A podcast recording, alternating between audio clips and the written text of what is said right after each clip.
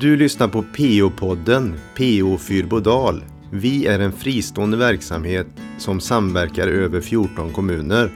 Vår målgrupp är personer över 18 år med psykiska funktionsnedsättningar.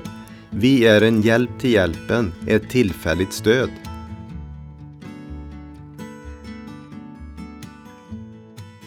Jag heter Louise Niklasson och arbetar som personligt ombud i Fyrbodal. Och jag sitter här tillsammans med Maria Jofors som är enhetschef i personligt ombud Fyrbodal. Eh, I detta avsnitt av podden kommer vi att prata om hur personligt ombud ser ut i Sverige. Mm. Mm, så Maria, jag tänkte du kunde börja och berätta lite grann hur det kommer sig att personligt ombud finns. Ja, personligt ombud kom ju till efter psykiatrireformens genomförande. Man såg då att människor som hade bott länge på institution for väldigt illa. Eh, ensamma i sina lägenheter. Eh, en del blev väldigt isolerade bakom neddragna persienner och andra eh, bollades runt som Svarte Petter i systemet. Så att eh, eh, man gjorde så här i tio kommuner att man startade en försöksverksamhet som kallades personligt ombud. Och det var en yrkeskår som skulle arbeta enbart på den enskildes uppdrag. Eh, det här slog så väl ut i de utvärderingar som gjordes att det togs ett regeringsbeslut i maj 2000 att de kommuner som så ville kunde ansöka om statsbidrag för att bedriva eh, verksamheten. Och än idag så kan kommuner ansöka om statsbidrag för att eh, få till den här verksamheten. Ja. Så, så var det när vi startade och de flesta verksamheter startade runt 2002-2003 i Sverige. Men vad jag har förstått så är det inte alla kommuner i Sverige som har tagit den chansen att eh, söka statsbidrag. Hur många kommuner är det som har ombud? Eh, år 2020 så hade 247 kommuner det här, den här verksamheten eh, av 290 Mm. Och det är runt 340 personer år 2020 som arbetar som personligt ombud. Så det är inte alla kommuner som erbjuder det här för människor med psykiska funktionsnedsättningar. Mm. Till vilka personer riktar sig verksamheten? Ja, den som kan få personligt ombud behöver vara över 18 år och ha psykiska funktionsnedsättningar. Och där ingår även de neuropsykiatriska diagnoserna. Man ska ha omfattande svårigheter i sitt vardagsliv och de svårigheterna ska utgå då från den psykiska ohälsan. Eh, och man behöver även ha stöd från socialtjänsten, vården och behov av andra myndigheter. Alltså att man behöver ha insatser eh, från vård och kommun eh, för att kunna tillhöra den här målgruppen mm. som vi hjälper. Ett komplext behov alltså? Ett komplext behov, absolut. En förutsättning för att eh, få statsbidraget så är det ju faktiskt så att det är tre uppdrag som personligt ombud har. Kan du berätta om dem? Ja, ett personligt ombud har de här tre uppdragen som handlar om att dels så ska man jobba med eh, klienter. En del kallar klienterna för uppdragsgivare. Vi, säger, vi i vår verksamhet säger klienter.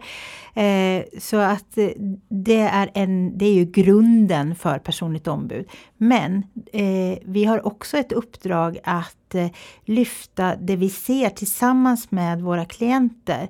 Alltså det man kan kalla avvikelser, brister eller systemfel.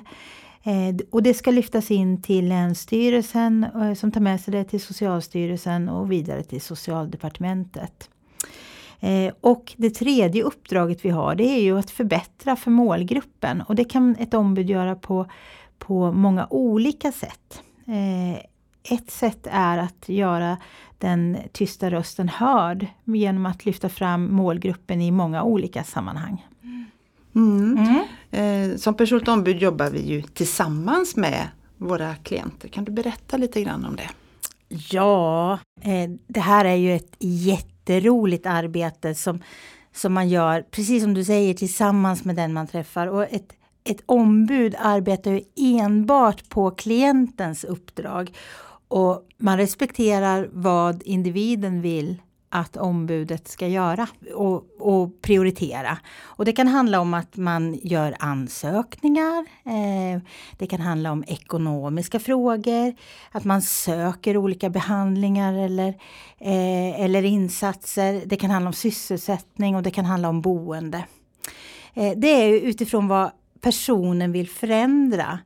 Eh, och där kan vi ge råd och hjälpa personer vidare. Sen är det också viktigt att komma ihåg att ett personligt ombud vet inte allt, kan inte allt, utan man jobbar tillsammans med klienten. Eh, man, ge, man hjälps åt att eh, ta reda på saker och ting helt enkelt.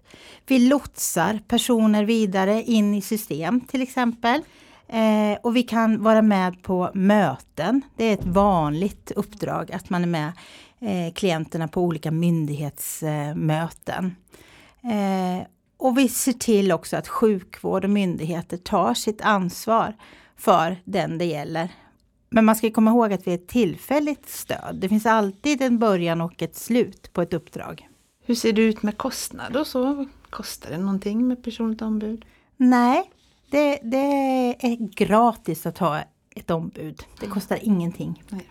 Vem bestämmer? Alltså jag tänker det här med alltså vem bestämmer om man ska ha ett personligt ombud eller inte? Eh, det bestämmer den enskilde själv. Individen bestämmer om man vill ha ett ombud eller inte.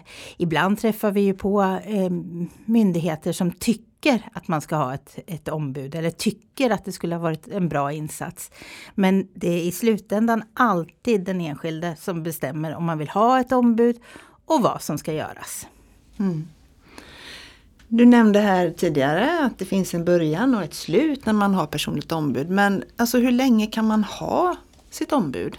Man, man kan ha ett ombud ja, några månader upp till flera år faktiskt. Det beror på vad som behöver göras. Det är ganska vanligt att vi som ombud börjar i ena änden eh, över någonting som klienten ser som ett första steg som vi ska jobba med. Och sen kommer det andra saker under resans gång. Mm. Så det är alltid svårt att säga i början av ett uppdrag. Men det som kan vara bra att komma ihåg det är ju att vi jobbar inte med punktinsatser.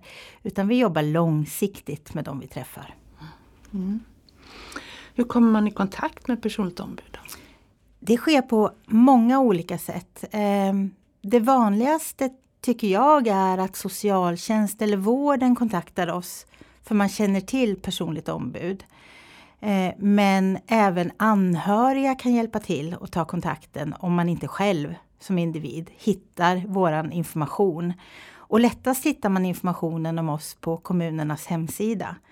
Ehm, så man söker på den kommunen man är folkbokförd i om den kommunen har personligt ombud eller inte. Mm. Har du något mer som du vill berätta om personligt ombud i just hur det ser ut i Sverige? Ja, man kan väl komma ihåg och ändå säga att det, det här med yrket det, det är en fri, alltså personligt ombud är en fristående roll. Vi är inte ombud för någon myndighet eller för vården eller för an, anhöriga utan det är, det är individen eh, som bestämmer uppdraget. Så, så rollen är, är, ska ha mandat att jobba fristående från kommunen. Eh, det vi inte har sagt, eller det jag inte har sagt, det är det här med tystnadsplikt. Att vi har tystnadsplikt. Eh, och, och att vi inte har någon kostnad, det har vi också sagt. Mm. Eh, men det, det, kan vara bra att poängtera att så är det. Sen jobbar vi personliga ombud måndag till fredag. Eh, och så ser det ut i Sverige. Att vi jobbar dagtid. Jag tror att vi har fått med det mesta. Mm, det känns så tycker jag. Det, jag känner igen det du säger. Och, mm. mm. Tack så mycket för, för den här lilla intervjun. Det var roligt att få prata med dig Lollo. ja, tack själv Maria. Ja, Okej, okay. hej då. Podden är ett samarbete med ABF Fyrbodal. Vill du veta mer om personligt ombud Fyrbodal? Se vår hemsida pofyrbodal.se. Där finns information och kontaktuppgifter.